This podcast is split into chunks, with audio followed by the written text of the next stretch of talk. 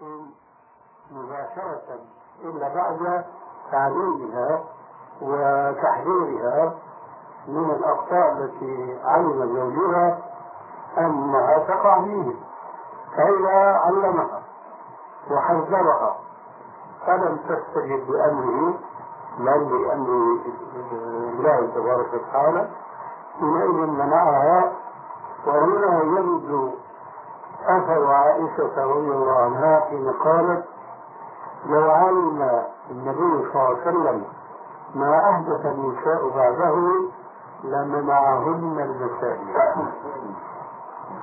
هو ما تفضل. طب بالنسبة لقولكم لا يجوز للرجل أن يمنعها آه هذا معناه أن الحديث خرج مخرج الوجوب. قطعا. فالشيخ الإسلام ابن تيمية بيقول يعني عن هذا الحديث أنه لا يفيد الوجوب لأن الرسول صلى الله عليه وسلم جعل الإذن للزوج وله حق المنع أو حق القبول. وين هذا الحق؟ أين هذا الحق؟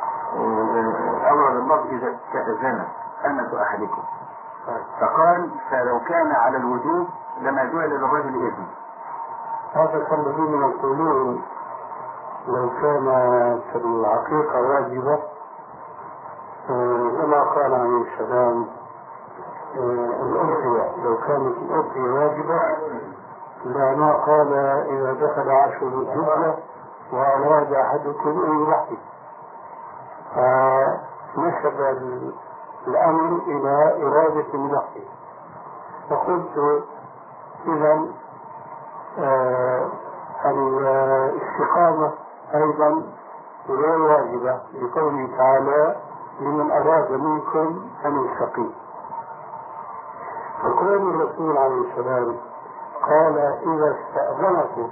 لا يعني أنه يجوز للزوج أن يمنعها كيف؟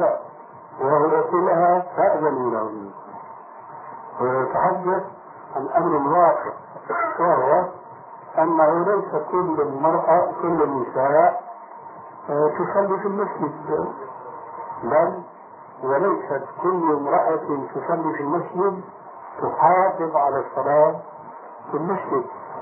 فإذا خطر في بالها هذه التي ليس من عادتها أن تصلي في المسجد أن تخرج فهنا تستأذن.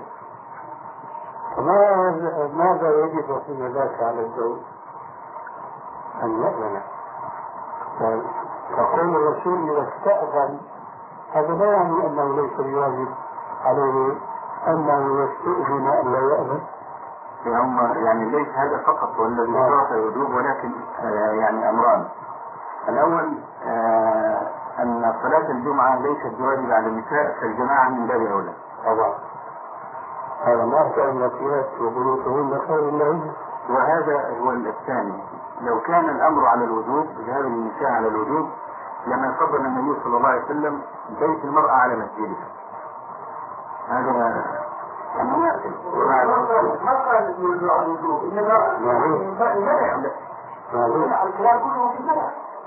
نعم يعني ما هو يعني هل نعم. أقول عن الكلام في الإيجاب الإيجاب على الرجل لعدم المنع وهو كذلك طبعا مش إيجاب الصلاة. إيجاب الصلاة إيجاب الصلاة. طيب لو منعها لو استأذنت فمنعها فخرجت بغير إذنه. رغما عنه هذا جاي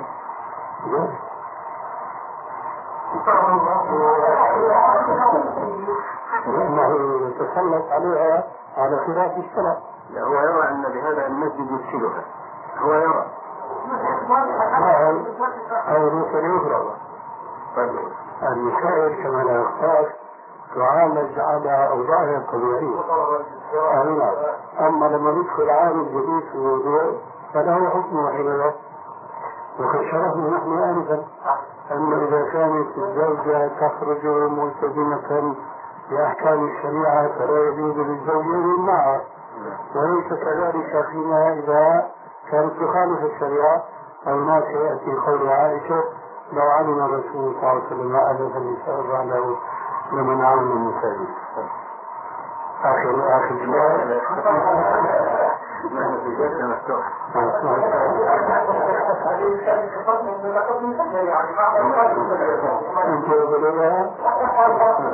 فبالنسبة لصلاة المسافر نعم هل مثلا هنا مسافر فهل يجوز لي أن أدخل خلف الإمام في الصلاة الرباعية في آخر ركعتين.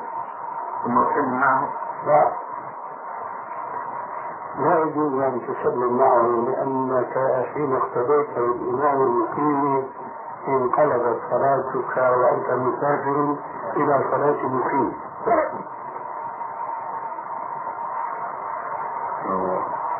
يعني هنا يورد سؤال في الخاطر نعم وهو هذه أول مرة في الخاصة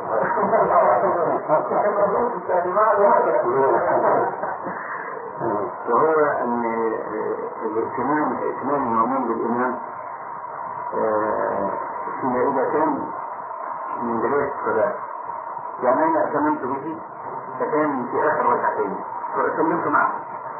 ابن حزم فيما اذكر يعني يجيز للمسافر أن يدخل في الركعتين الأخيرتين.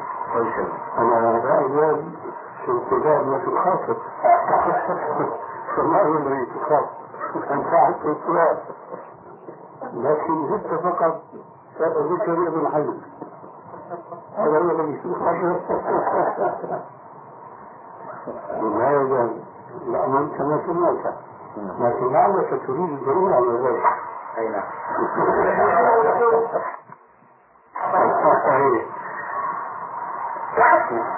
أولا قد سئل ابن عباس رضي الله عنه عن الآفاقي يأتي مكة. الآفاقي يأتي مكة. يأبى الحج أو العمرة قال السائل إذا نحن صلينا معكم في المسجد الحرام كم نصلي؟ قال تماما. سنة نبيك أو كما قال ابن عباس رضي الله عنه ورواية في صحيح مسلم وفي مسلم الإمام أحمد وهي مسند أوضح من رواية مسلم. إذا كان الأمر كذلك فالحديث صريح. لأن الذي المسافر الذي يصلي وراء الإمام مقيم ليس كما يقول ابن حزم أنه يسلم على رأس ركعتين. وحينئذ الصورة التي سألت عنها يؤخذ بها مما سبق.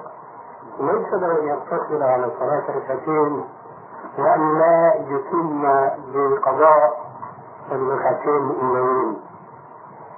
هذا شيء والشيء الآخر قوله عليه السلام إنما جاء الإمام ليتم به فما أدركتم فصلوا وما فاتكم. فاتموا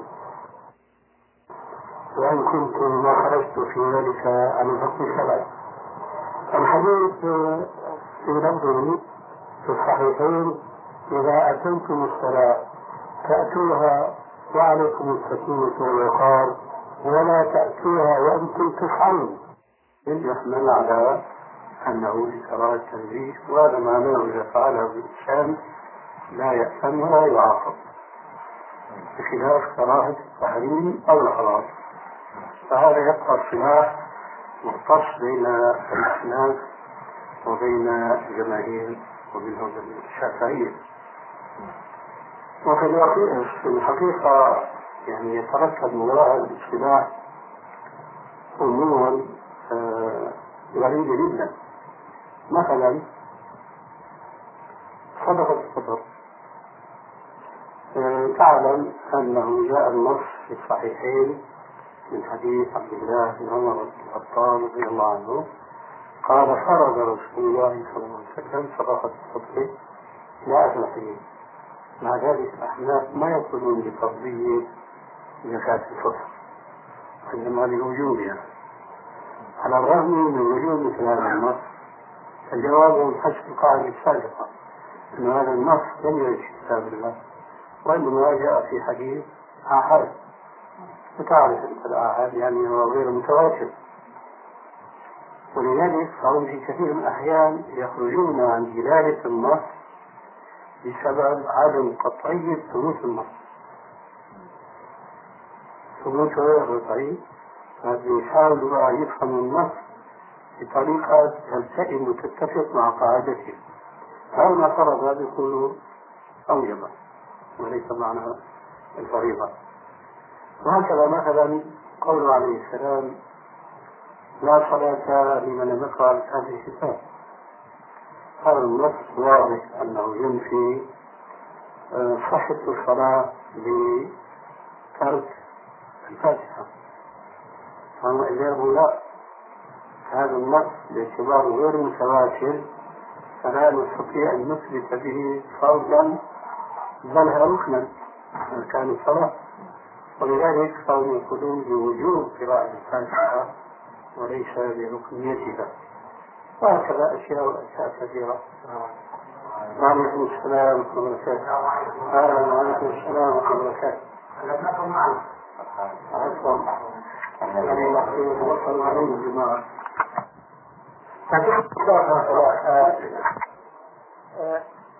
إذا الإنسان يعني ما لحق تكبيرة الإحرام في الصلاة ودخل في الصلاة والإمام عم يقرأ السورة التي تلي الفاتحة. في الجاهلية ولا في التهريج؟ في التهريج آه، هل من الأفضل أنه يقرأ الفاتحة أم يستمع للإمام؟ هي بلا شك نشر فيها خلاف كثير وقديم بين الأئمة. آه، من حيث القراءة وراء الإمام مطلقا. فالحنفية يقولون لا يقرأ المقتدي وراء الإمام مطلقا لا في السرية ولا في الجهرية يقابلهم الشافعية فهم يقولون بركنية قراءة الفاتحة وراء الإمام في السرية والجهرية معا وتوسط بين الطائفتين الإمام مالك والإمام أحمد فقالوا يقرأ في السرية وينصت في الجاهلية. وهذا المذهب الثالث وهو الوسط هو الحقيقة الذي يترجح لدينا. حينما ندرس أدلة المذاهب الثلاثة هذه فيتبين أن أوسطها أوسطها وأعدلها وأقرب إلى الصواب. بناء على هذا جواب سؤالك أن الذي جاء المسجد والإمام يقرأ سواء الفاتحة أو ما بعد الفاتحة من آيات أو سور لما كان المقتدي يسمع تلاوته وقراءته فلا يقرأ شيئا. ومن أدلة هذا الآية المعروفة فإذا قرأ القرآن فاستمعوا له وأنصتوا لعلكم ترحمون. ويؤكد هذا أنه جاء في أحاديث وآثار كثيرة عن كبار السلف الصالح رضي الله عنهم. أن من جاء والإمام راكع فأدرك الركوع معه فقد أدرك الركعة مع أنه ما قرأ الفاتحة. فمتابعة الإمام إذا تسقط عن الإنسان ما هو واجب عليه ابتداء أو أصالة. ولذلك فهناك حديث آه، يفيد أن من تمام الاقتداء والائتمام بالإمام الإنصات له. فقال عليه الصلاة والسلام إنما جعل الإمام ليؤتم به فإذا كبر فكبروا وإذا قرأ فأنصتوا. وإذا قرأ فأنصتوا الإنصات للإمام من تمام الاحتجاج ولذلك فالإمام تحمل قراءة المقتدي المسموع في كل القراءات إذا ما أدركه راكعا وهذا قد جاء صريحا في بعض الأحاديث الصحيحة وكذلك جاءت آثار عن السلف منهم أبو الصديق وزيد بن ثابت وعبد الله بن مسعود وعبد الله بن عمر أن مدرك الركوع هو مدرك الرفع.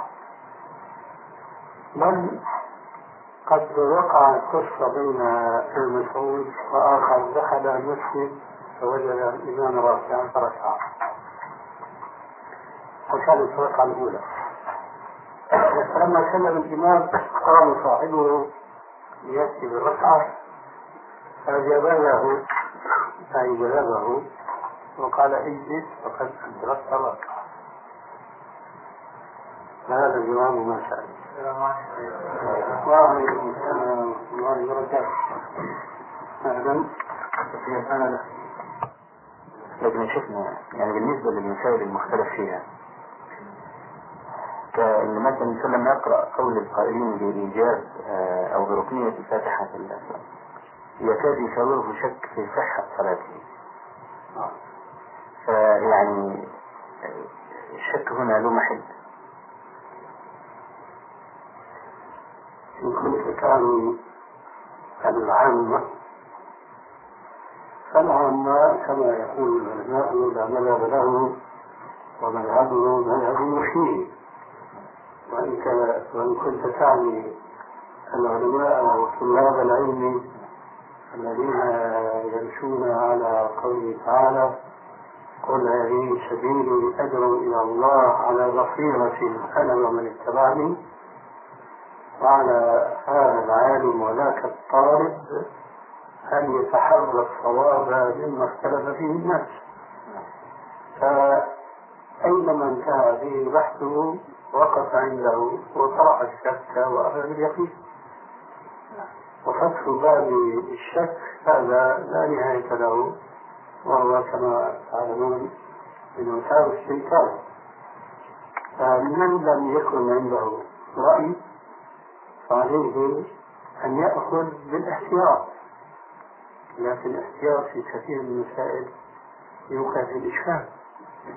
لأن الذي يقول مثلا اقرأ وهو معارض يقول لا تقرأ.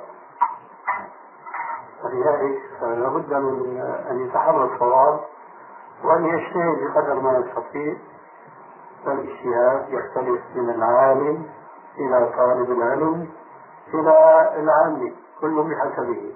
ولا يكلف الله نفسا لو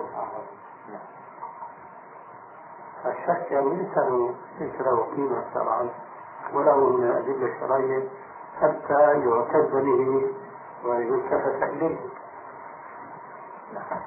ولكن إذا كان طالب العلم يعني لم يحصل الأصول التي من خلالها يستطيع أن يرجح قولا على قول أو يطمئن قلبه إلى قول ما. هذا يعني موقفه يعني غير واضح.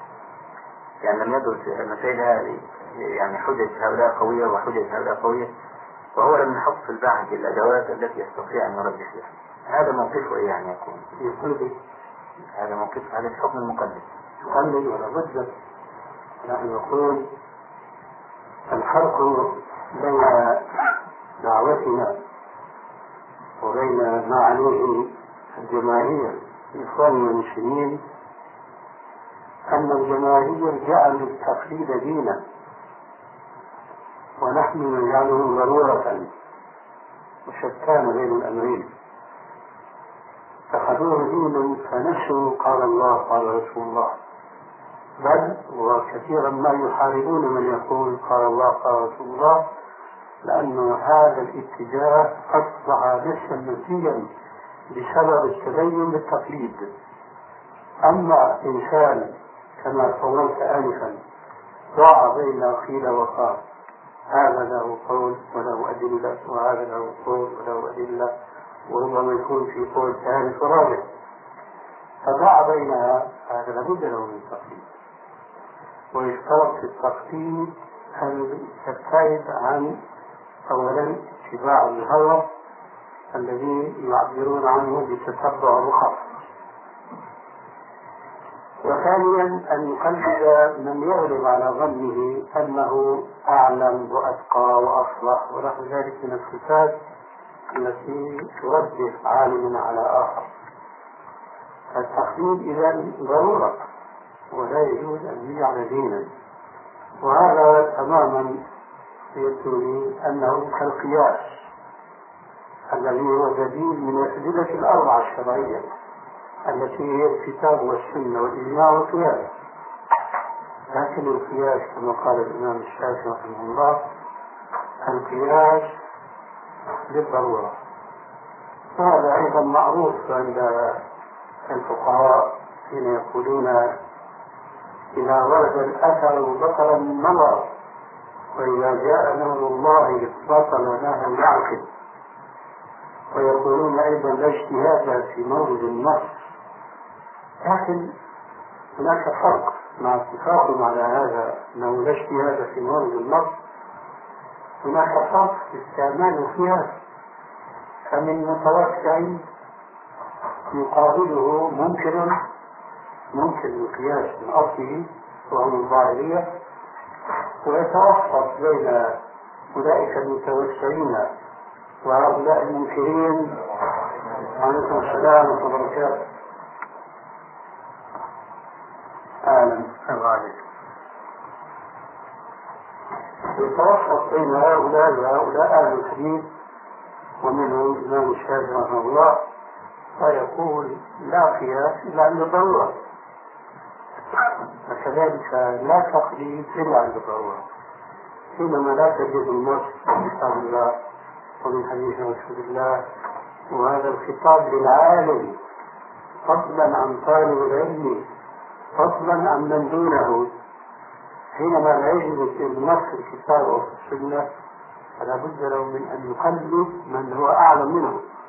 ولذلك نقرأ في سيرة الصحابة رضي الله عنهم أن بعضهم كان يتبع بعضا ويثق به ولا يجادل ولا يناقش. خلافا لمن يتوهم بعض الغلاة في اتباع الكتاب والسنة حيث يقولون بالاجتهاد في كل كبير وصغير. هذا خطأ لأنه لا بد لكل إنسان مهما على وسمى علما أن يحوطه شيء من العلم. يضاف قوله تعالى وما أوتيت من إلا قليلا ففي هذه الحالة لابد أن يقلد العالم الذي في علمه فمسألتنا هذه من هذا القبيل من لم تتبين له الوجهة الصحيحة من الآراء المختلفة فيقلد العالم الذي يثق علمه سواء كان القول بالركنية في مسألتنا هذه أو بتحريم القراءة وراء الإسلام أو بالتوسط بين هذا وهذا. فيأخذ بما بقول من يطمئن إلى علمه وفضله وسابقته في ذلك.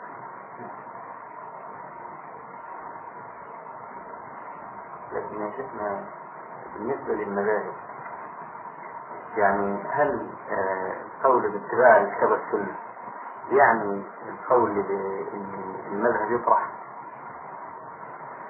إذا كان المقصود بالمذهب يطرح ككل هذا غير ممكن هذا له صلة بجواب الشاذ أن أكبر عالم لابد له من أن يقلد من هو أعلم منه.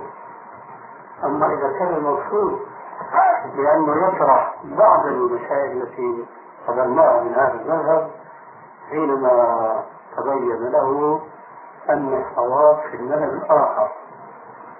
هنا يأتي قولنا لا يجوز التدين بالتمذهب أو بالتقليد مذهب أن هذا أمر لم يرسل الله تبارك وتعالى على أحد من الناس أن يقلد شخصا أو إماما أو جماعة بأعيانهم وهذا صريح في كتاب الله عز وجل وفي سنة رسول الله صلى الله عليه وسلم كقوله تعالى مثلا فاسألوا أهل الذكر إن كنتم لا تعلمون.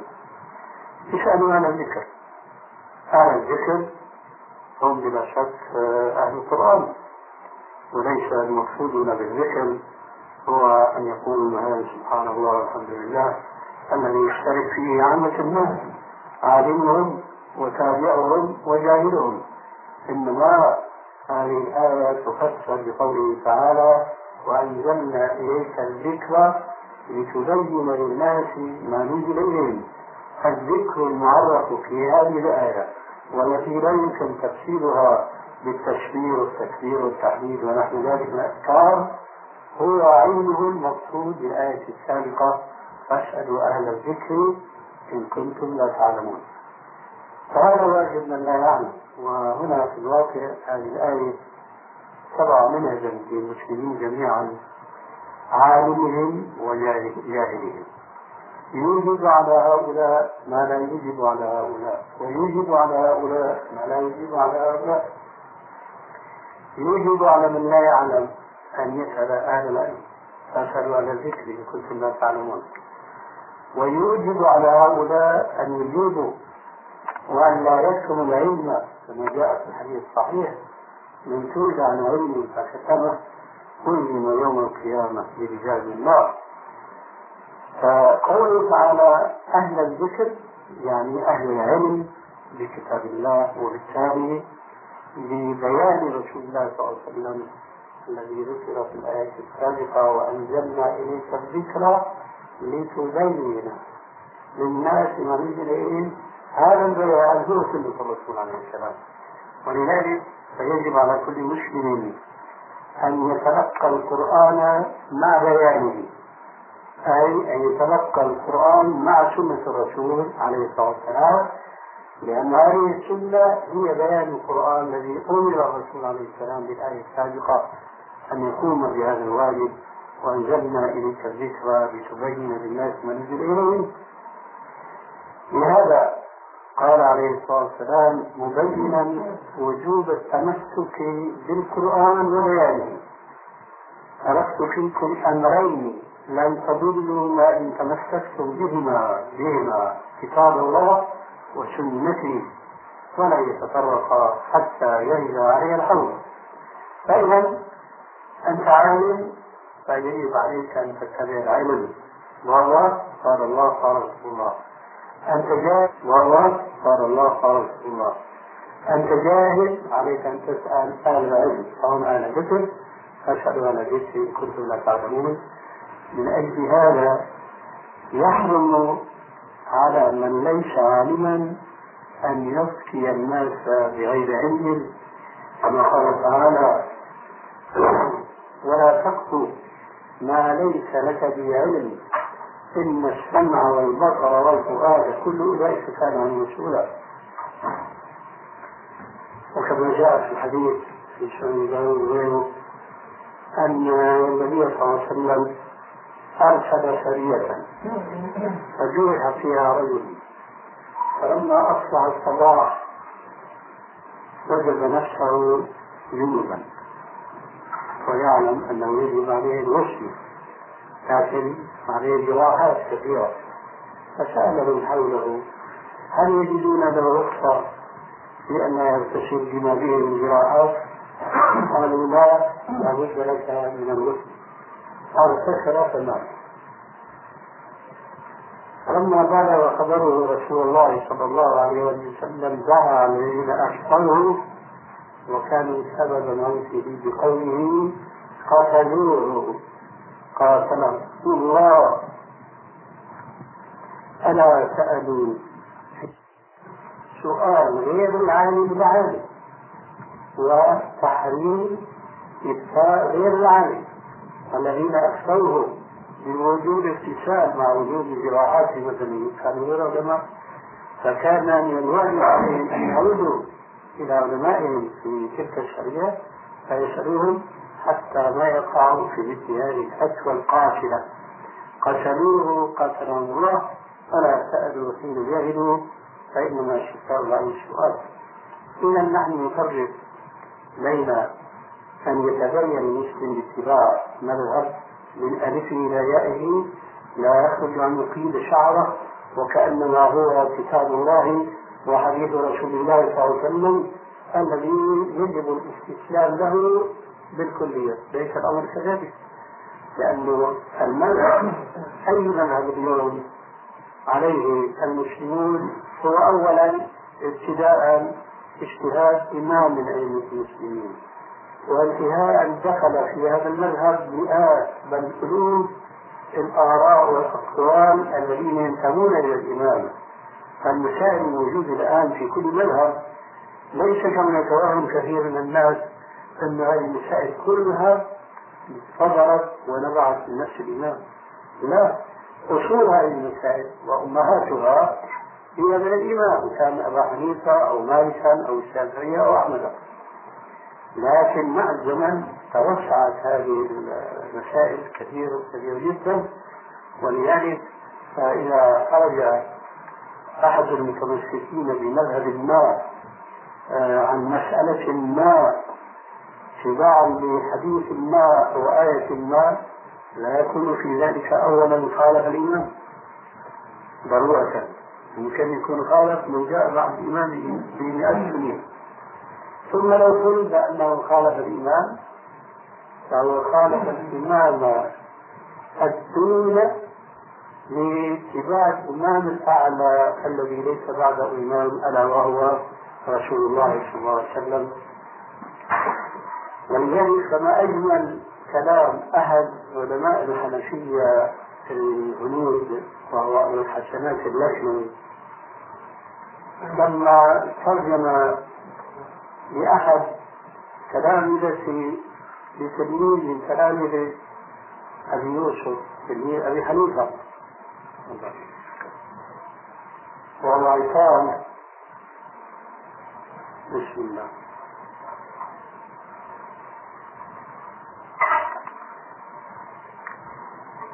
عصام البلخي هو حنفي تلميذ أبي يوسف الذي هو تلميذ الإمام أبي حنيفة يقول كان يرفع يديه في الصلاة. عصام البلخي تلميذ أبو يوسف. الذي هو تلميذ أبي حنيفة؟ كان يرفع يديه في الصلاة يعني ينظر الكورة منه. وهذا مكروه تحريما عند الحنفية. فيعلق في الكتاب أبو الحسنات الأسلامي فيقول ونعم ما يقول.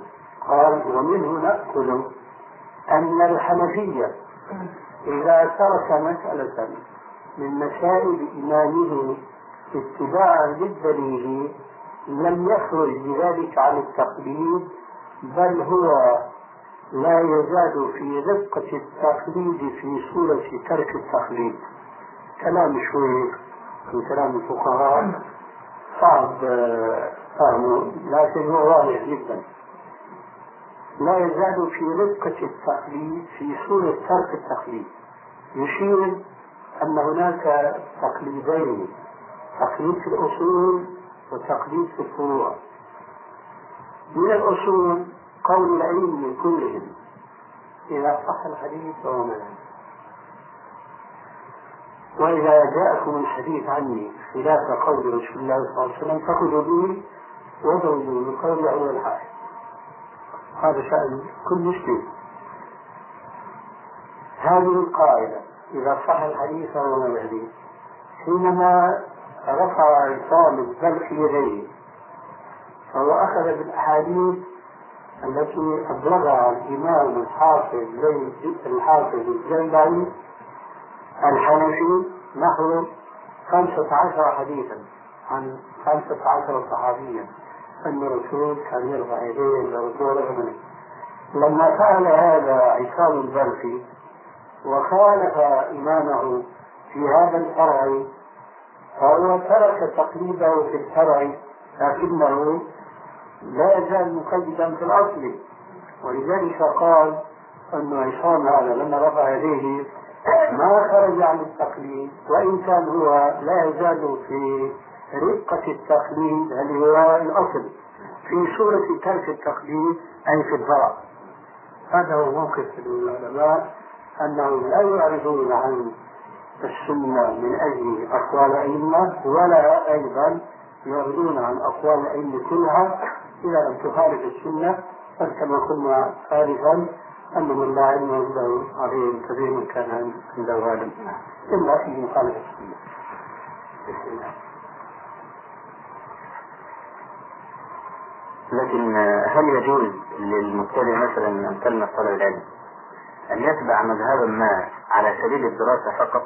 على أساس إنه لو اجتهد من أولها يعني ولم يتبع سبيلا معينا في دراسة منظما يعني ممكن لا يكاد يصل كما لو تبع مذهبا على سبيل الدراسة طريقة ألا يقلد يعني متبينات سبيلا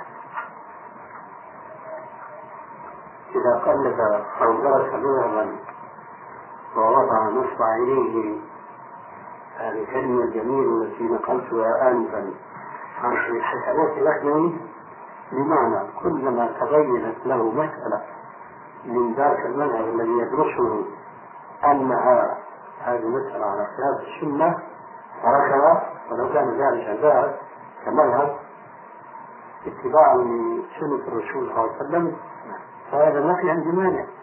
وفي الحقيقة أنا أقول لا سبيل اليوم من يريد أن يدرس العلم ما دام أن الغالب على المسلمين هو التزام مذهب معين. لو أنه رجع إلينا العام الأول الصحابي والتابعين وأتباعهم. حيث لم يكن هناك إمام يتبع دون غيره. مثلا كلنا يعلم قول الرسول صلى الله عليه وسلم خير الناس قوي الصحابة ثم الذين يلونهم التابعين ثم الذين يلونهم أتباع التابعين. أنا هنا أعلم أنه لم يكن الصحابة من بكر ولا من هو عمر ولا من هو عثمان ولا هو من هو علوي. وإنما كانوا يسألون أهل العلم منهم. لا يوجد واحد والله أنا ما بسأل ولا أستفيد ولا أقلد ولا أتبع إلا أبا أو إلا عمر لم يكن شيء من ذلك. وهكذا يقال عن التابعين. فلو كان جونا اليوم جوا سلفيا محضا لا نقول بدراسة معينة لأن هذه الدراسة إنما هي كما تدرس القوانين الأرضية من حيث أنه لا يجب على المسلم إلا أن يدرس كتاب الله وسنة رسول الله صلى الله عليه وسلم.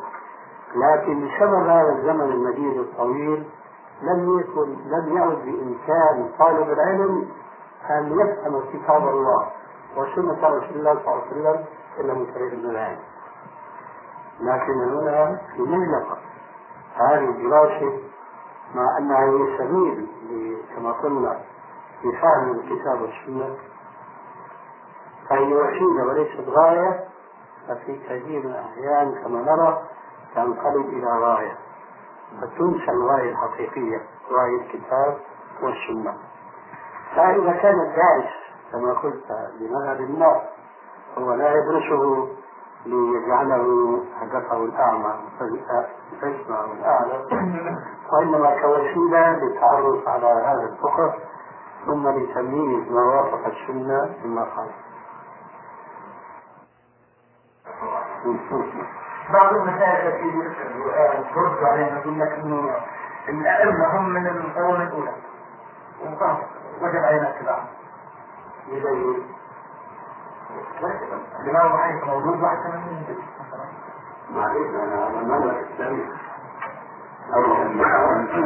يعني هذا على قول بعضهم ويقين الإسلام كاملين هو نفسه الصالح لكن الدليل أنه يجب اتباع العين ولماذا لا يكون اتباع أبو بكر مثلا عمر كما قلنا أنفا؟ ومن القرآن ما المؤلفات ولا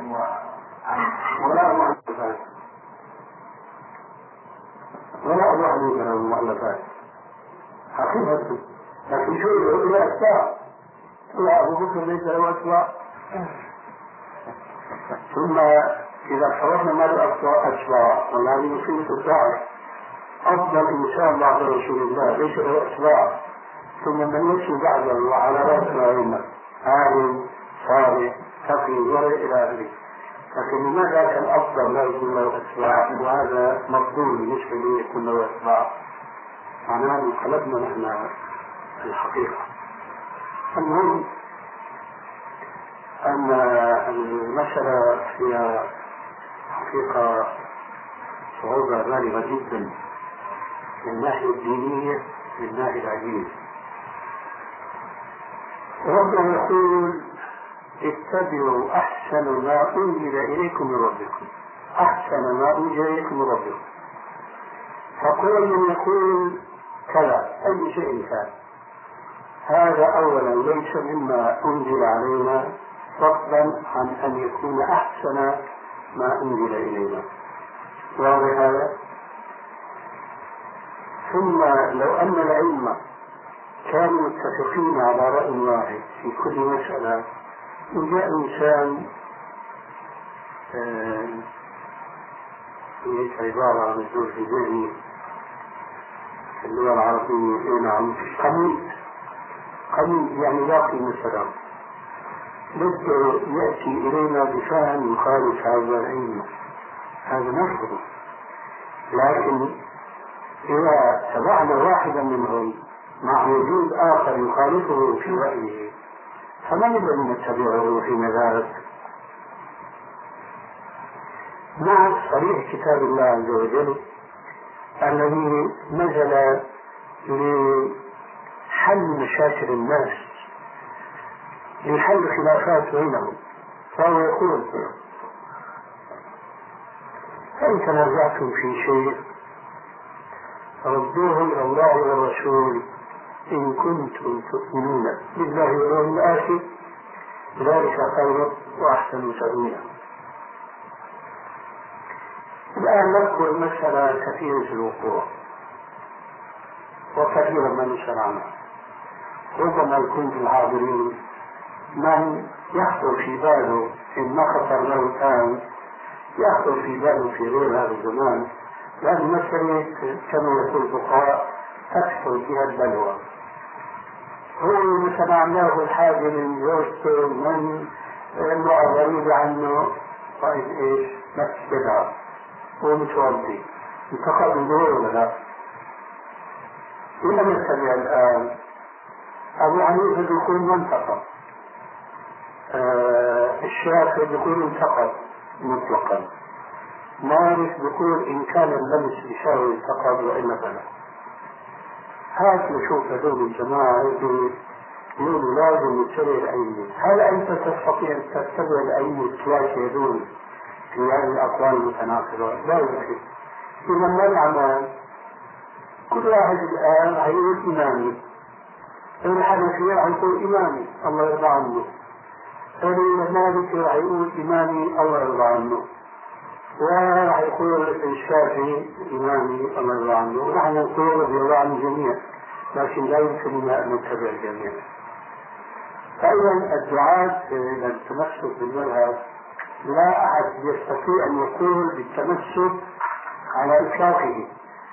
وأنا أتحدى أي إنسان إن كان عالما كبيرا كبيرا جدا يتمذهب بمذهب من المذاهب أو دونه علما أو طالبا أو طويلبا أتحداهم جميعا أن يوجد فيهم رجل حنفي قح.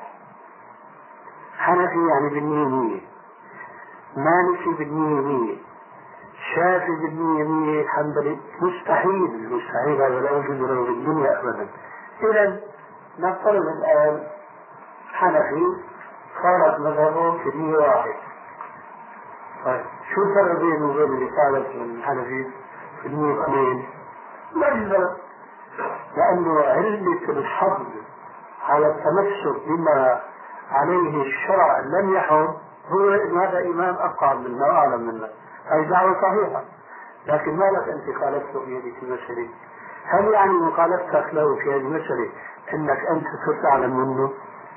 لا أحد يقول بهذا ابدا وحينئذ نفس الجواب بالنسبة لي خالف الامام بمسألتين أو ثلاثة أو خمسه هم يتوهمون وهما لو خضعوا للبحث العلمي في المحض لتبين لهم أنهم واهمون. يتوهمون أن من يدعو الناس إلى اتباع الكتاب والسنة وعلى الطريقة العادلة المنصفة لكلها انفا إن هذا فيه حط من قيمه الأئمة. ما في حط من قيمه الأئمة. ليه؟ فهو يقول أنهم أعلم وأفقه وأقرب طبقة ولا أمر ظاهر يعني لكن العصمة للرسول عليه السلام. فقط دون سائر الناس جميعا. فنحن حبنا للأئمة ما لازم يحملنا على أن نقلل من قيمة اتباعنا للرسول عليه السلام في سبيل حبنا للأئمة وإلا راح يصيبنا ما أصاب الشيعة. ولو رشاش النية واحد يعني. الشيعة ماذا فعلوا؟ مش الرسول عليه السلام. علي عليه السلام الحسن والحسين عليهم السلام. أما الرسول عليه السلام فقل ما يذكر وإن ذكر فمن طريق أهل البيت فقط. أما الجزء المؤلف من الصحابة على رأسهم أبو بكر وعمر فلا قيمة لهم نحن تجاوزنا الشيعة حينما لا نقول قال رسول الله وإنما المذهب هيك المذهب هيك سبحان الله. لماذا هذا الجمود احتراما للأئمة ترى هل احترمنا الرسول عليه الصلاة والسلام حينما عرضنا عن العمل بسنته؟ المشكلة المشكلة عميقة ووسيعة جدا المهم كل أي عالم من هؤلاء. الذين يحترمون المذاهب أو يحترمون الأئمة احتراما لفظيا وليس احتراما حقيقيا. لأن الاحترام الحقيقي لا يأتي بمخالفتهم في الأصول وتقليد في الفروع.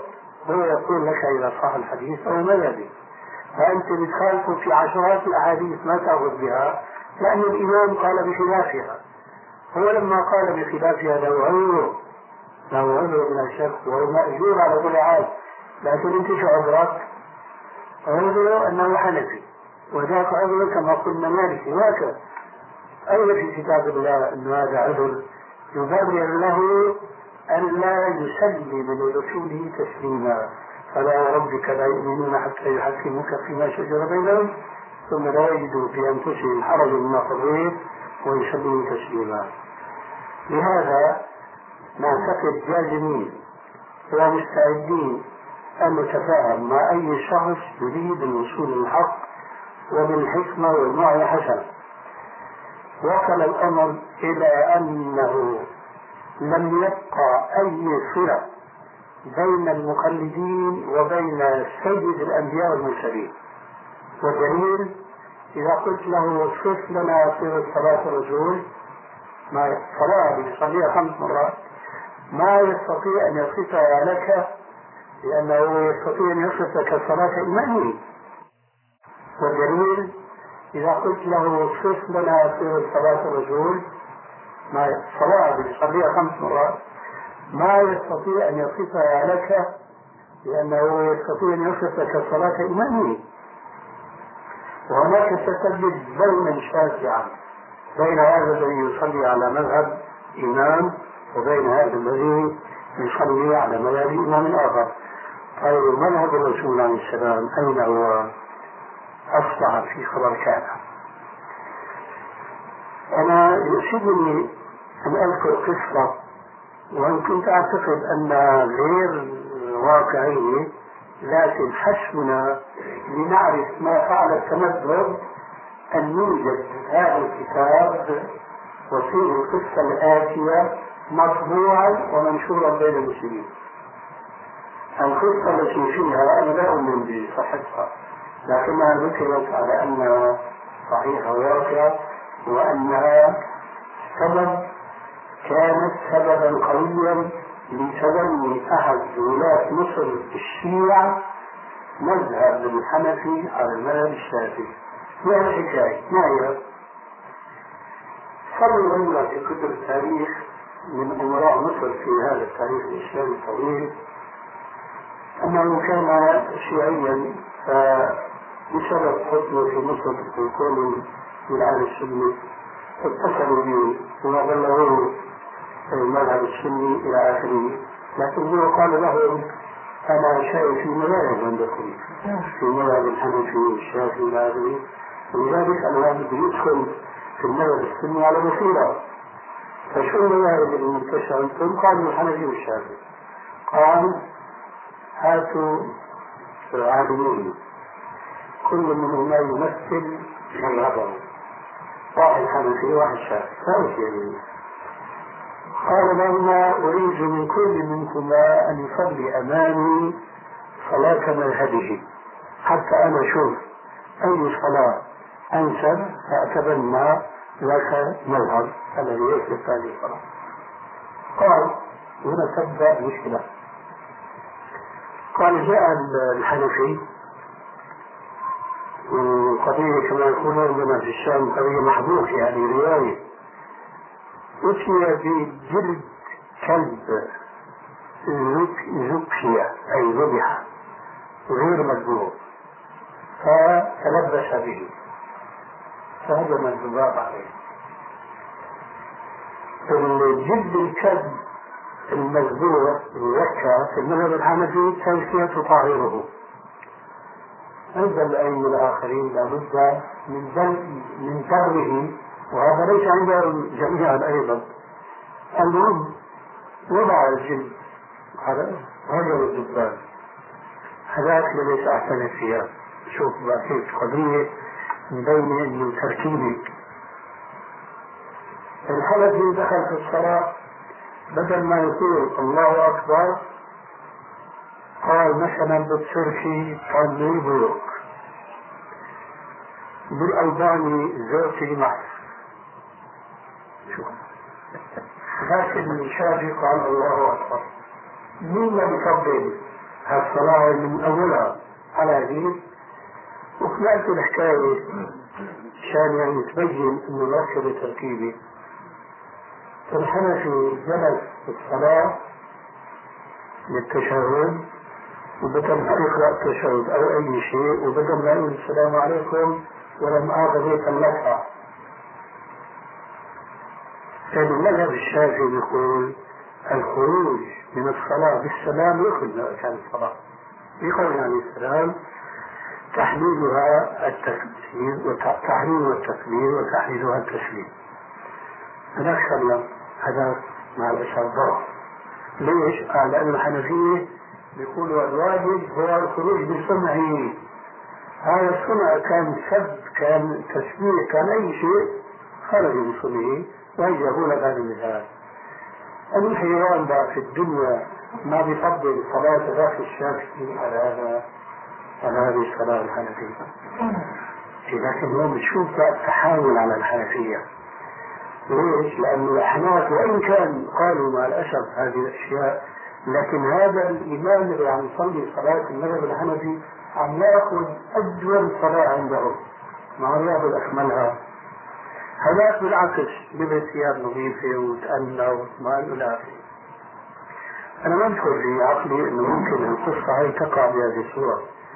لكن كما قلت آنفا شو رأيكم؟ مطبوع الكتاب مطبوع على أساس وتحت إيش رسالة اسمها المذهب الحق. شو هو المذهب الحق؟ مذهب الإمام الشافعي. أي إنسان بده يشوف هالصورة المعروضة من الوجهين بيقول لك مذهب الشافعي.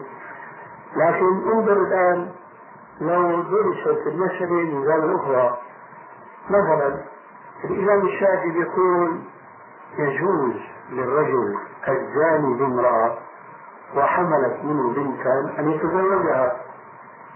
هذا حديث الله الحرام كيف الواحد ينكح ما هو من داره فلو قيل لذاك الرجل هذا الشافعي هيك بيقول طبعا راح يصير إيش؟ نفرة لا بالعكس هو القضية بالعكس تماما.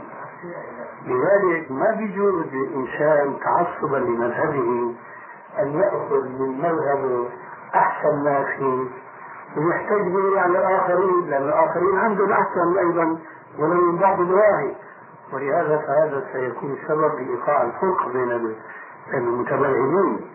وهذا ما وقع وهذا موجود آثاره حتى اليوم. من الآثار مثلا وجود في بعض البلاد الشامية الكبرى في المسجد الواحد محاريب عديدة. محاريب عديدة. من اثنين إلى أربعة. على حسب شهرة المذاهب هناك عندنا في دمشق المسجد الأموي في أربعة محاريب مساجد أخرى فيها محبوبين ليه؟ لأنه فيها أحناف فيها شرافة ما في مالكية ما في حنابلة لماذا هذه المحاريب؟ كل إمام بيصلي في محرابه لأنه تكره صلاة وراء المخالف المذهب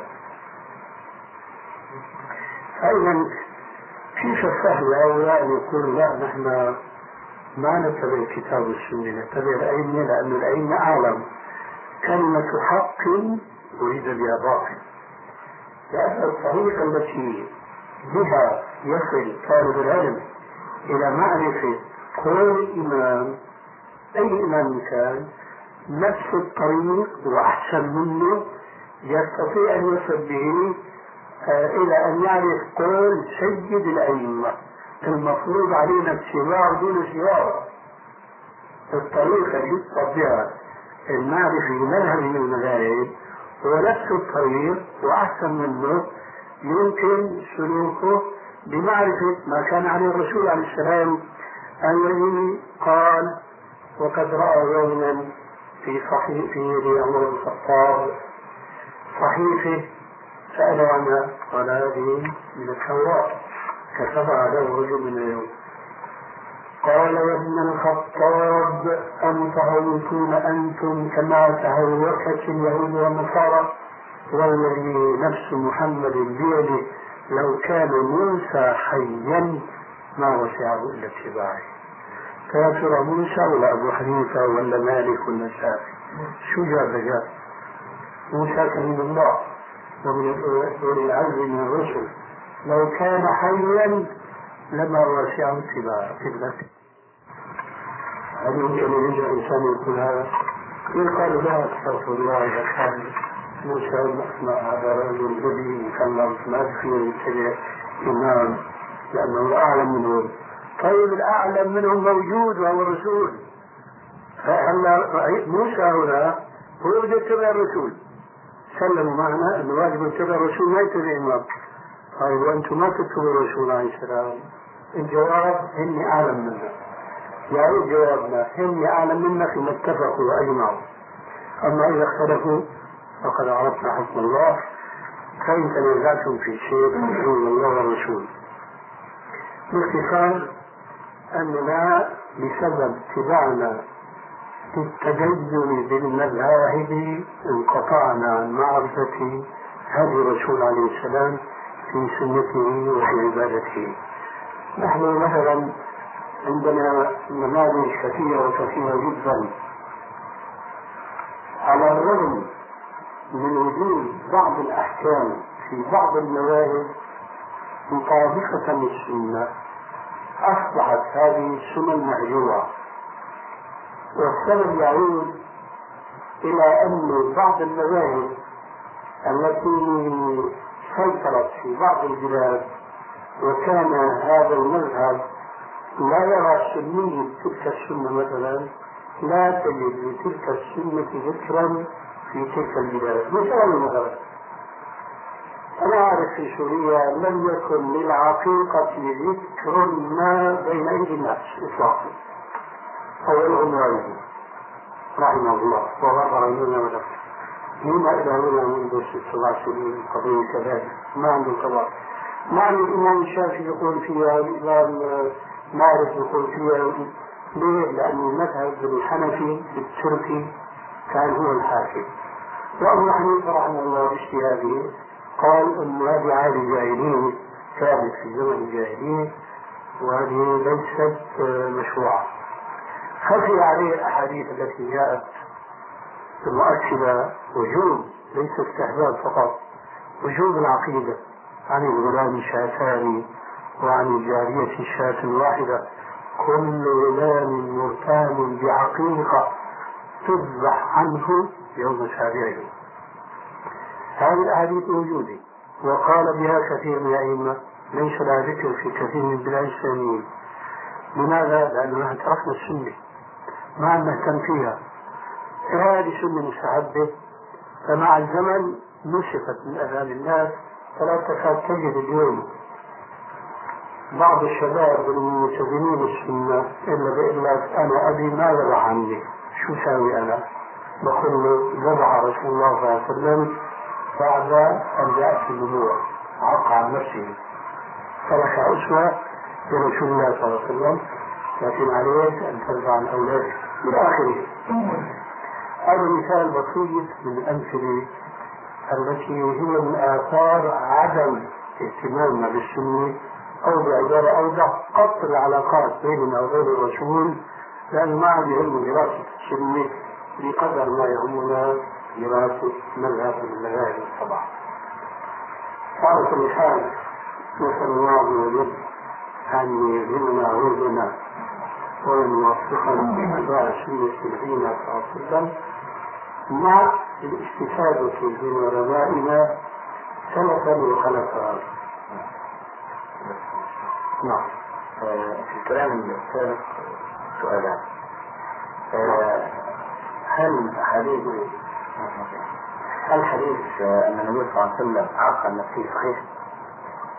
هذا حديث ثبت عندنا لأن له نعم هذا على شرط البخاري وإن كان فيه غيره تكلم فيه ولكنه أولا على قاعدة من أخرج له البخاري جاوز القنطرة وثانيا أن الجرح الذي جرح به لم يكن جرحا مفسرا بتفسير يجعل الجرح مقبولا. بسم الله.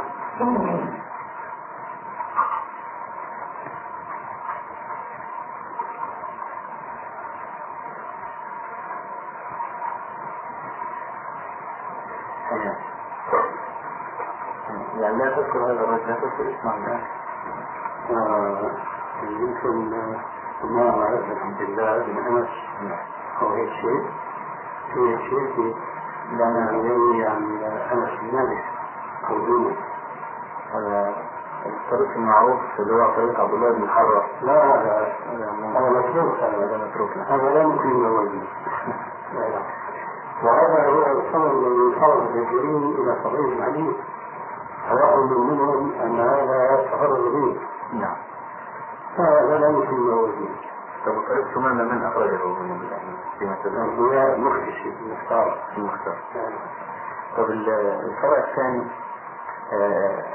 إذا سلمنا أن يجوز للرجل الآن أنه يأخذ المذهب كدراسة فقط بغير أن يتعصب له ظهر جديد فأي المذاهب أفضل وأوصل لطلب العلم للمراد يعني من الشافعي وأحمد. الشافعي وأحمد. نعم. لأنهما فخر بالسنة بكثير. أما أحمد؟ فلأنه أوسع اطلاعا من كل أئمة. هذه حقيقة يعرفها الكل من هذا السنة. والشافعي مع أنه ملم بقسم كبير من السنة فهو أقوى من الإمام أحمد في معرفة اللغة العربية جامعة. ثم بأصول الفقه وهو أول أن يضع كتابا في الأصول وهو كتاب معروف باسم الرسالة. ولذلك يستعين طالب العلم بفقه هذا وحديث واسع فيجمع الخيرين من الوجودين وقد ثبت عن الإمام الشافعي رحمه الله هذا من إنصاف الأئمة وفضل وفضل ربه قال يا أحمد أنت أعلم مني بالحديث مني فإذا جاءك الحديث صحيح فعلمني به سواء كان حجازيا أو شاميا أو مصريا لعله ذكر بلاد أخرى.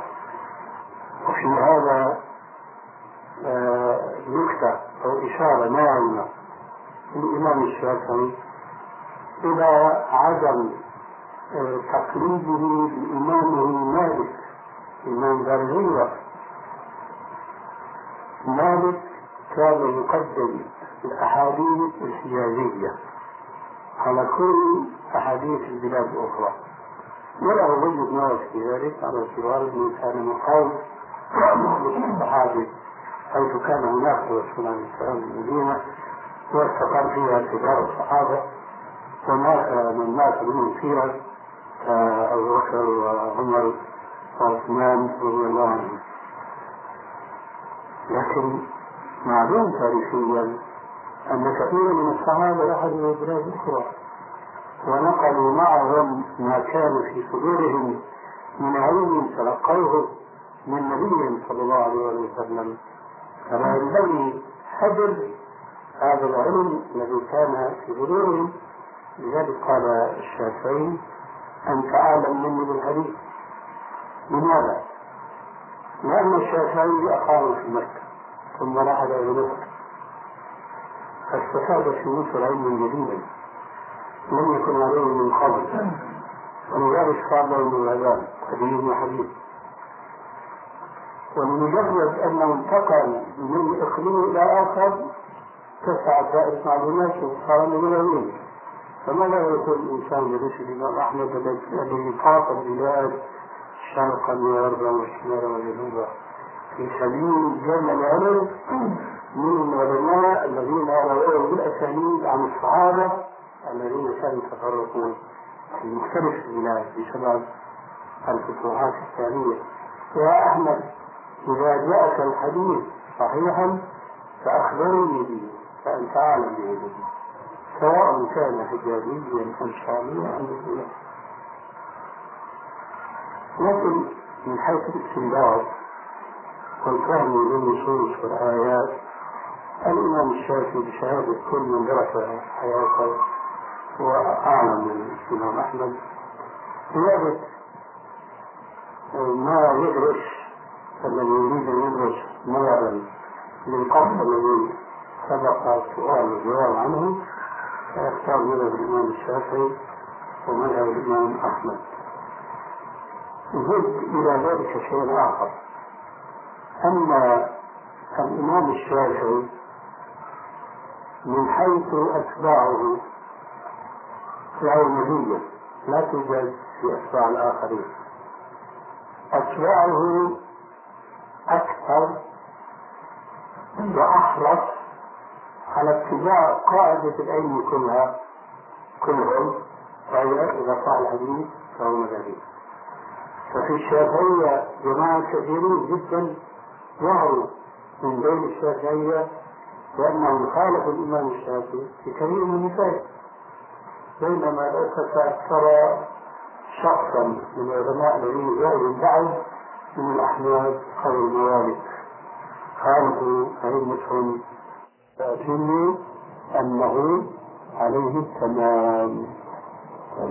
هذا الحديث يدلنا على شيء فيه العلماء قديما وحديثا. ألا وهو ما فاته المشروع ما فاته من الصلاة. هل هي أول صلاته أم هي آخرها؟ أو بعبارة أخرى. ما أدركه من الصلاة وهو مشروع وراء الإمام هل هي أول صلاته أم هي آخرها؟ الجواب في المسألة قولان قول الحنفية أن ما أدركه من الصلاة والإيمان هي آخر صلاته وما سيتم هو أول الصلاة ورأي الشافعي والجمهور العكس وهو الصواب لقول عليه السلام فما أدركتم فصلوا وما فاتكم فأتموا. رد الحنفية على الشافعية حجتهم هذه بقولهم آتم في رواية البخاري وما فاتكم فقدوا أو نصف القضاء وهذا يؤيد مذهب الحنفية لأنه يقضي الركعتين السابقتين الأولين فأجاب الجمهور بأن اللفظ الثاني تقضي عربية هو بمعنى الأول. لأن تفسير فقد بمعنى أداء العبادة في غير وقتها هذا تفسير هو يفيد المصطلح الفقهي ولم يراعى فيه اللغة. لأن الله يقول مثلا فإذا قضيت الصلاة منتشرة بالأرض صلاة الجمعة. إيش معنى قضيت الصلاة؟ أتمت يعني. كذلك قال تعالى فإذا قضيتم مناسككم فاذكروا الله كذكركم آباءكم وأشهر ذكرى قضيتم مناسككم أي أتممتموها فحينئذ قول فاقدوا غير معنى الرواية السابقة فأتموا. طيب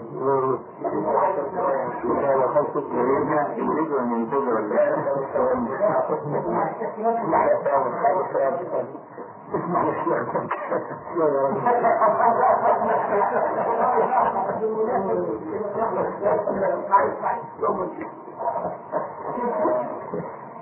قلنا شباب التبليغ والدعوة حدث بيني وبينهم نقاش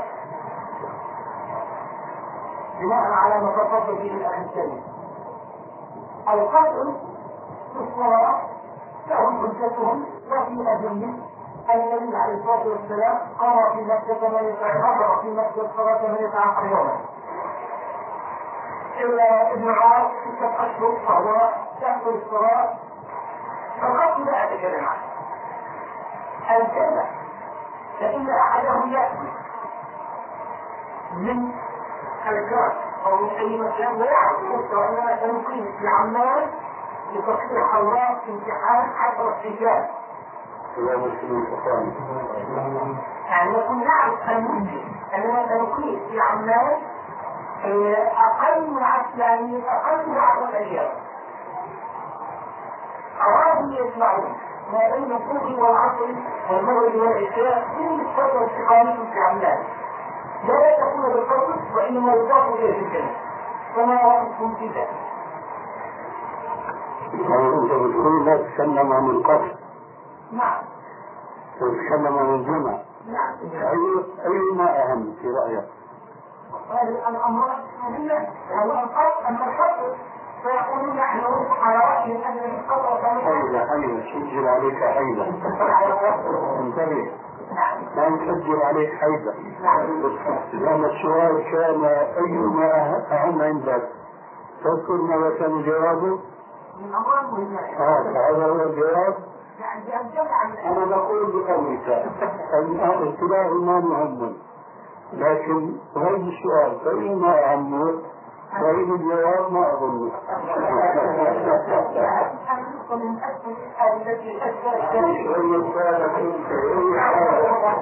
أنت أجل ما عندك إن كنت على صواب فنحن معك وإن كنت على خطأ فنحن معك بمعنى ندلك على الخطأ لتكون على أن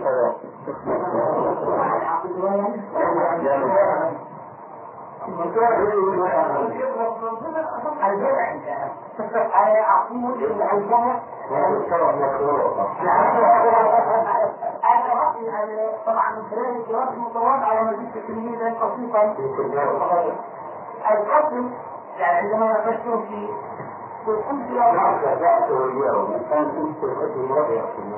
الرأي أنا أقول بأن الجمع لمن هو غير مسافر ورجع إلى بلده وارتاح فيها لا يجوز فقد الذي ما دامت المسجد ما دامت المسجد تحكي يكون هذا من ولا أنك على خطا وكما يقول يعني وربما عصية حكم إيش ومن بلغت ما اسكندراني إيه أيوه.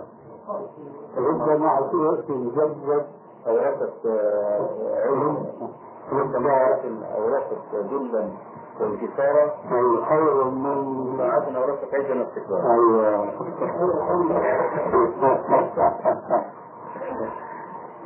هذه قضية بالعكس.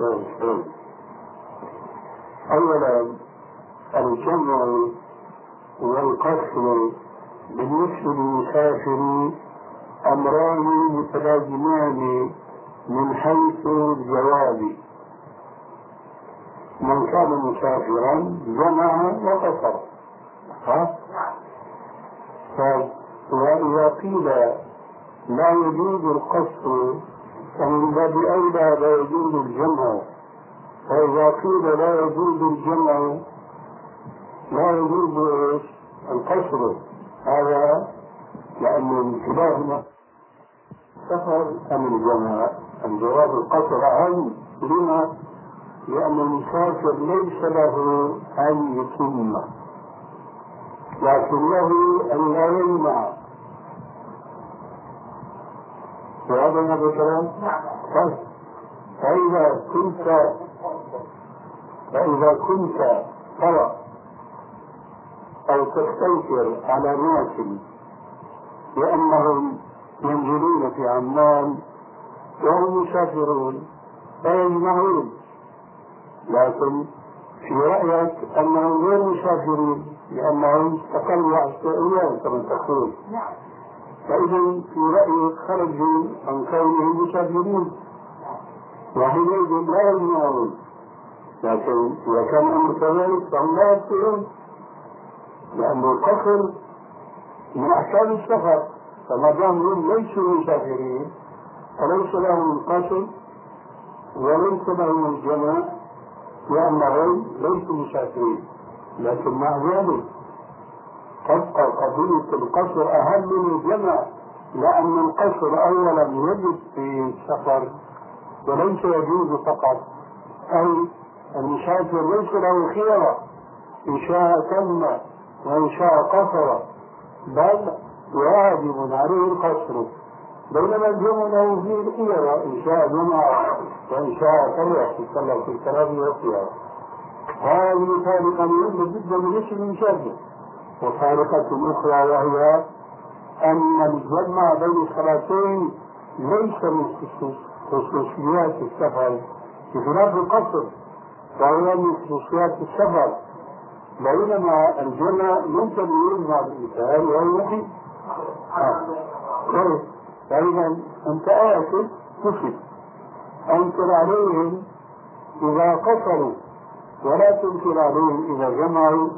لأنه يجوز لهم القصر والجمع ولو كانوا مقيمين. حديث عائشة رضي الله عنها نعم. ماذا يقول؟ إن النبي عليه الصلاة والسلام كان يسمع. من يحضر من صدق وقال والإخبار حديث ضعيف لا يصح. لا يصح. مستمتع يعني رأي الخمسة أفضل عن الشيء حتى عند الكريمة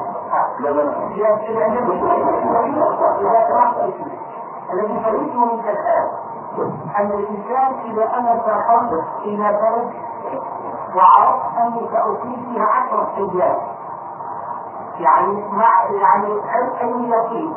أو ما يزيد على أربع أيام على رأس الفقراء كما هو في علم كما حدثوا أربع أيام غير يوم الدخول ولا يوم الخروج فهل أتم برأيك بما أحسن وأجمع هذا. جوابك في روايتك نعم. لأثر ابن عمر. ما أثر ابن عمر الذي حدثنا به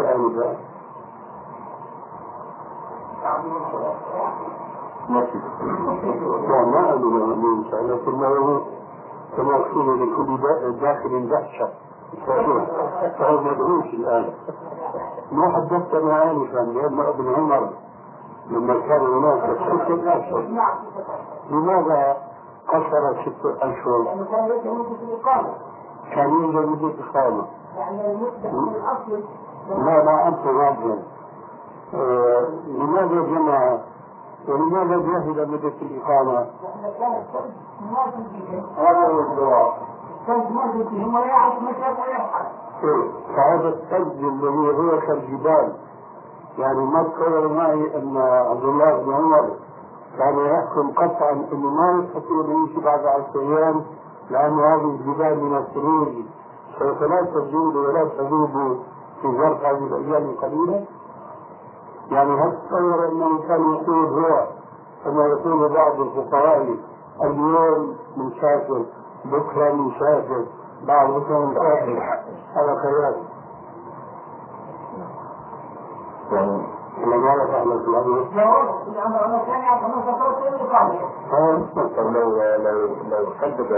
المهم أن نعرف أن المسافر مسافر ليس له علاقة بالأيام التي يريد أن يقيمها وإنما في وضعه الكلي إذا صح التعبير فهذا هو المسافر يعني الرسول صلى الله عليه وسلم في غزوة فتح الروم 16 يوم 18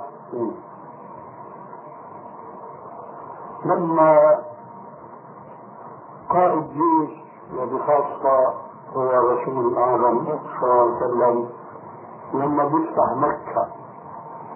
حتى تستقر الأمور بعد هذا الفتح العظيم.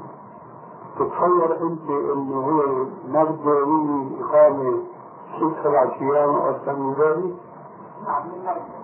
لأنه تمهيد الأمور تنظيمها وضع رئيس على جماعة وعلى قبيلة وإلى آخره خاصة من جماعة قبليين إلى آخره. وإدارة الأمور هذا يأخذ زمان وزمان جعل الرئيس اللي يوصل إليه هذا الأمر من قبيل ما تنحل يومين وثلاث وأربعة. ولذلك لما كان يفتح البلاد ما كان يمكن فيها يوم أو يومين أو ثلاث وأربعة كما في رواية في غزوة تبوك مثلا هناك عشرين يوما.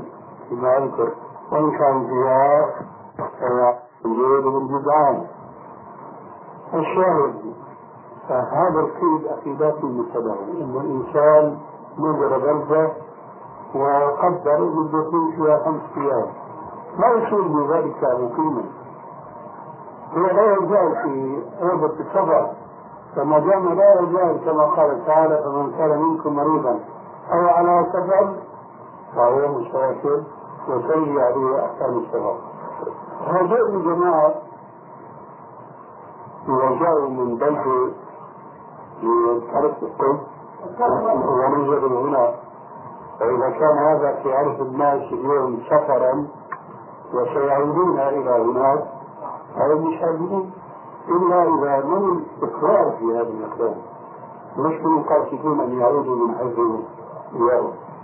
اليوم المهم هذه الأيام الأربعة ليس عليها دليل لأنه إذا نواها يصبح مقيما ولا أنه على سفر نعم. طب يعني ورد في أثناء الإجابة عن سؤال السفر أن المسافر ليس له خيار في أن يقصر أو لا. يقصر في قولكم أو يسلم طيب مثلا أنا هنا في عمان آه، أصلي مع الإمام وهو مقيم. فأنا مضطر آه، إن أنا أتم صدق الجواب عن هذا. يعني من جاب عن هذا الإنسان يصلي لصلاة الإمام آه، نعم. لكن آه، هل هذا يسقط الوجوب؟ يعني أنا آه، مسألة مخير غير مخير في أن أقصر أو لا أقصر هذا يحتم علي ألا أصلي لصلاة الإمام وأصلي وحدي منفردا طالما أن القصر واجب.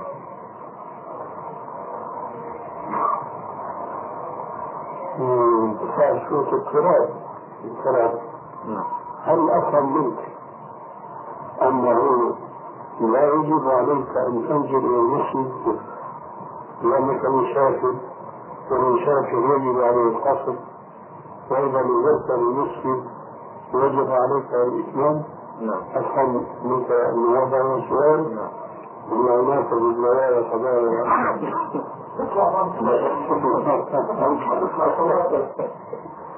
نعم هذا هذا هو السؤال أي نعم نعم الجواب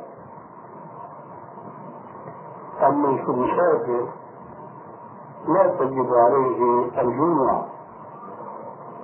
فمن باب أولى لا تجب عليه الجماعة لكن تجب عليه الجماعة.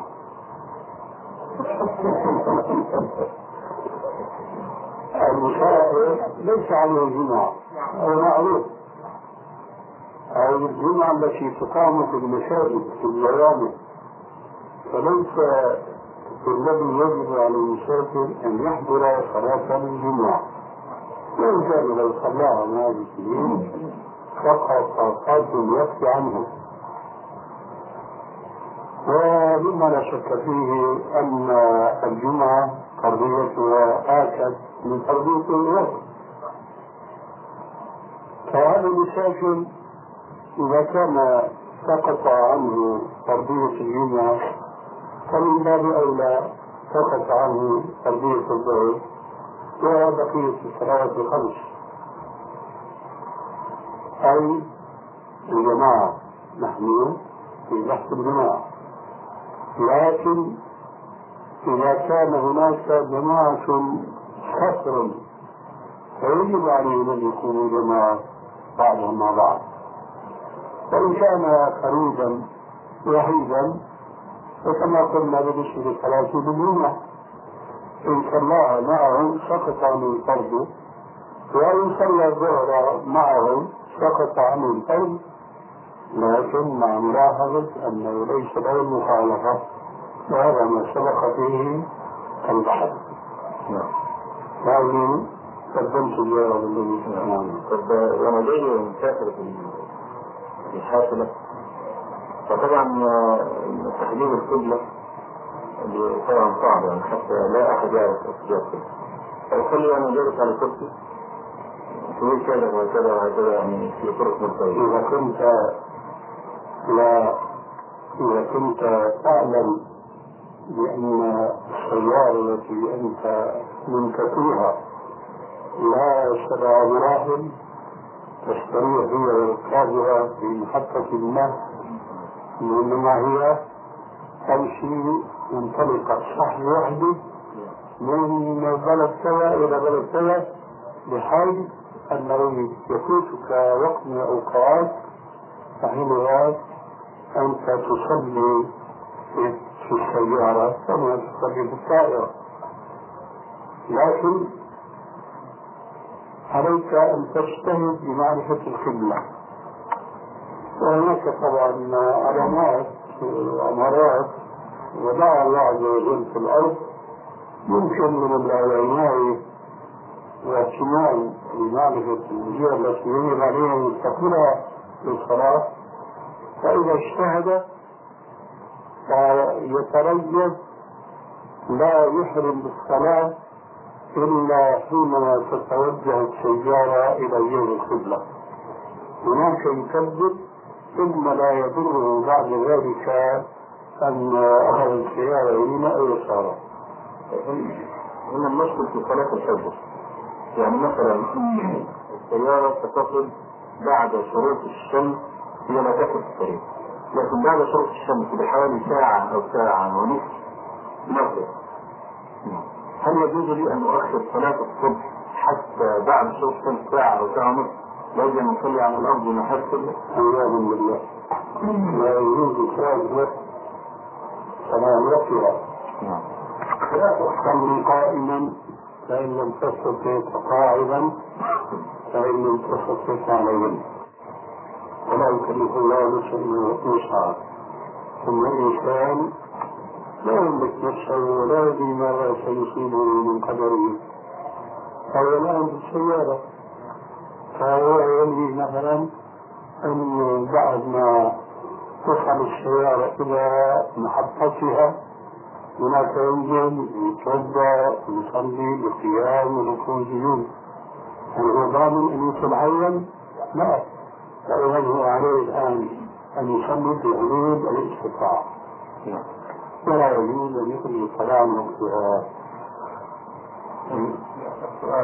يكفي الان الساعة عشرة الا ربع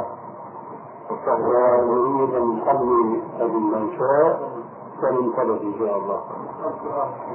يقول سأل سائل فقال هل يجوز للرجل إذا علم أن زوجه آه، حامل تسعة أيام مثلا أو عشرة أيام في الأيام الأول هل يجوز له أن يعني يأمرها أو أن تفعل شيئا ليسقط حملها؟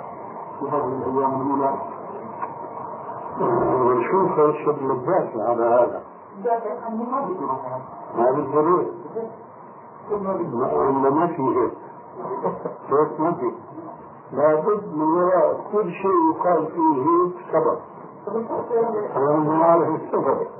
حط ما شئت من احتمالات ولكل شيء جواب مريضة طبعا هذا أظن سهل المجال يعني آه لذلك انت بدك تعلم الشيء ما تعرف إنه جائز ولا غير جائز. مثلا يقول لك إنه والله أنا يعني ما يقدر. مثلا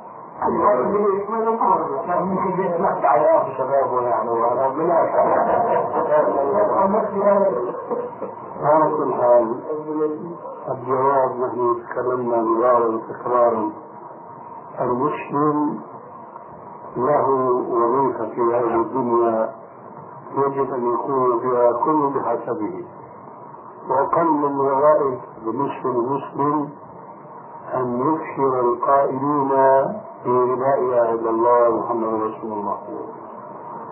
فمن أجل ذلك؟ نذكركم دائما بقول عليه السلام تزوجوا الوليد الودود فإني مبارك بكم الأمم يوم القيامة.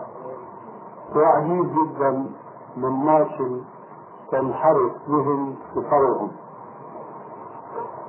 الأولاد كالمال مكسب هو خير من المال. هل سمعتم بإنسان يرسل الله إليه مالا حلالا بدون أي جهد أو نصب أو تعب ثم يقول لا أريد. هذا أمر عجيب. ناس يشكون من الإيش؟ العقل. فيتعاطون الأسباب مما ما يجوز ومنه ما لا يجوز. انه إلا هالمرة بده يحبرها وناس اخرين الله عز وجل يقدر تروح الله ما بده الله هذا كفر كفر بحكمة الله بنعم الله عز وجل.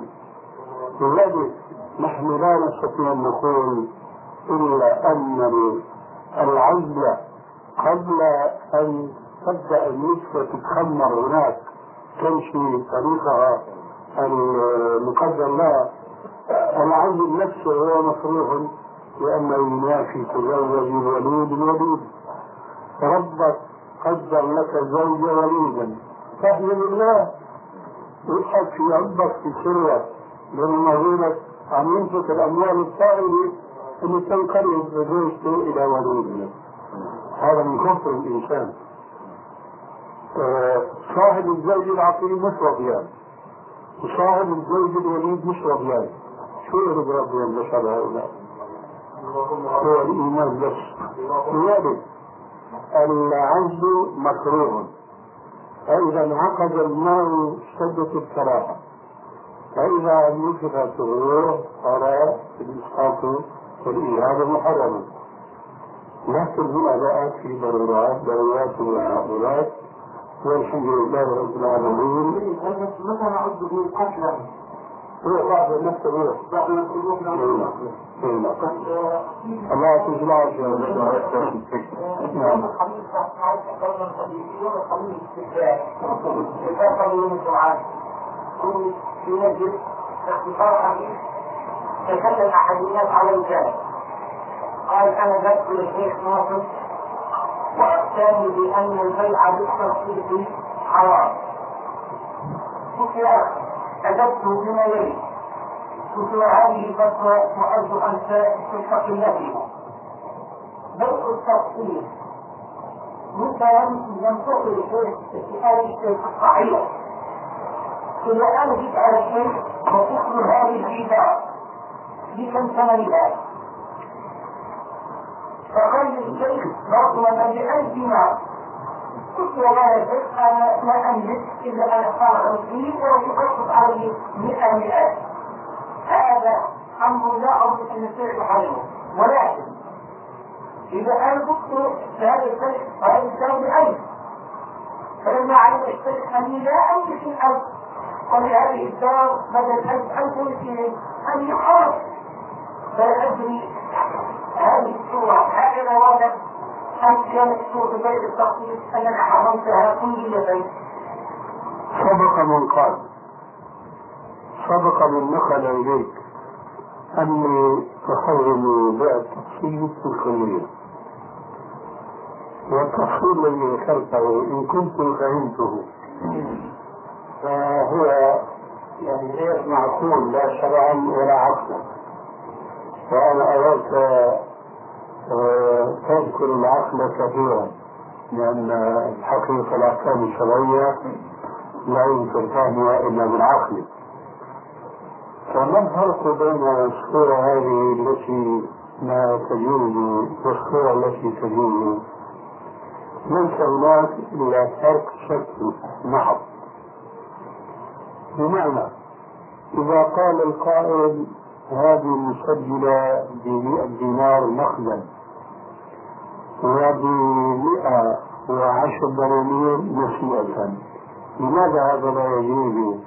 وإذا قال له ابتداء هذه المسجلة آه، تخفيض 110 يجوز.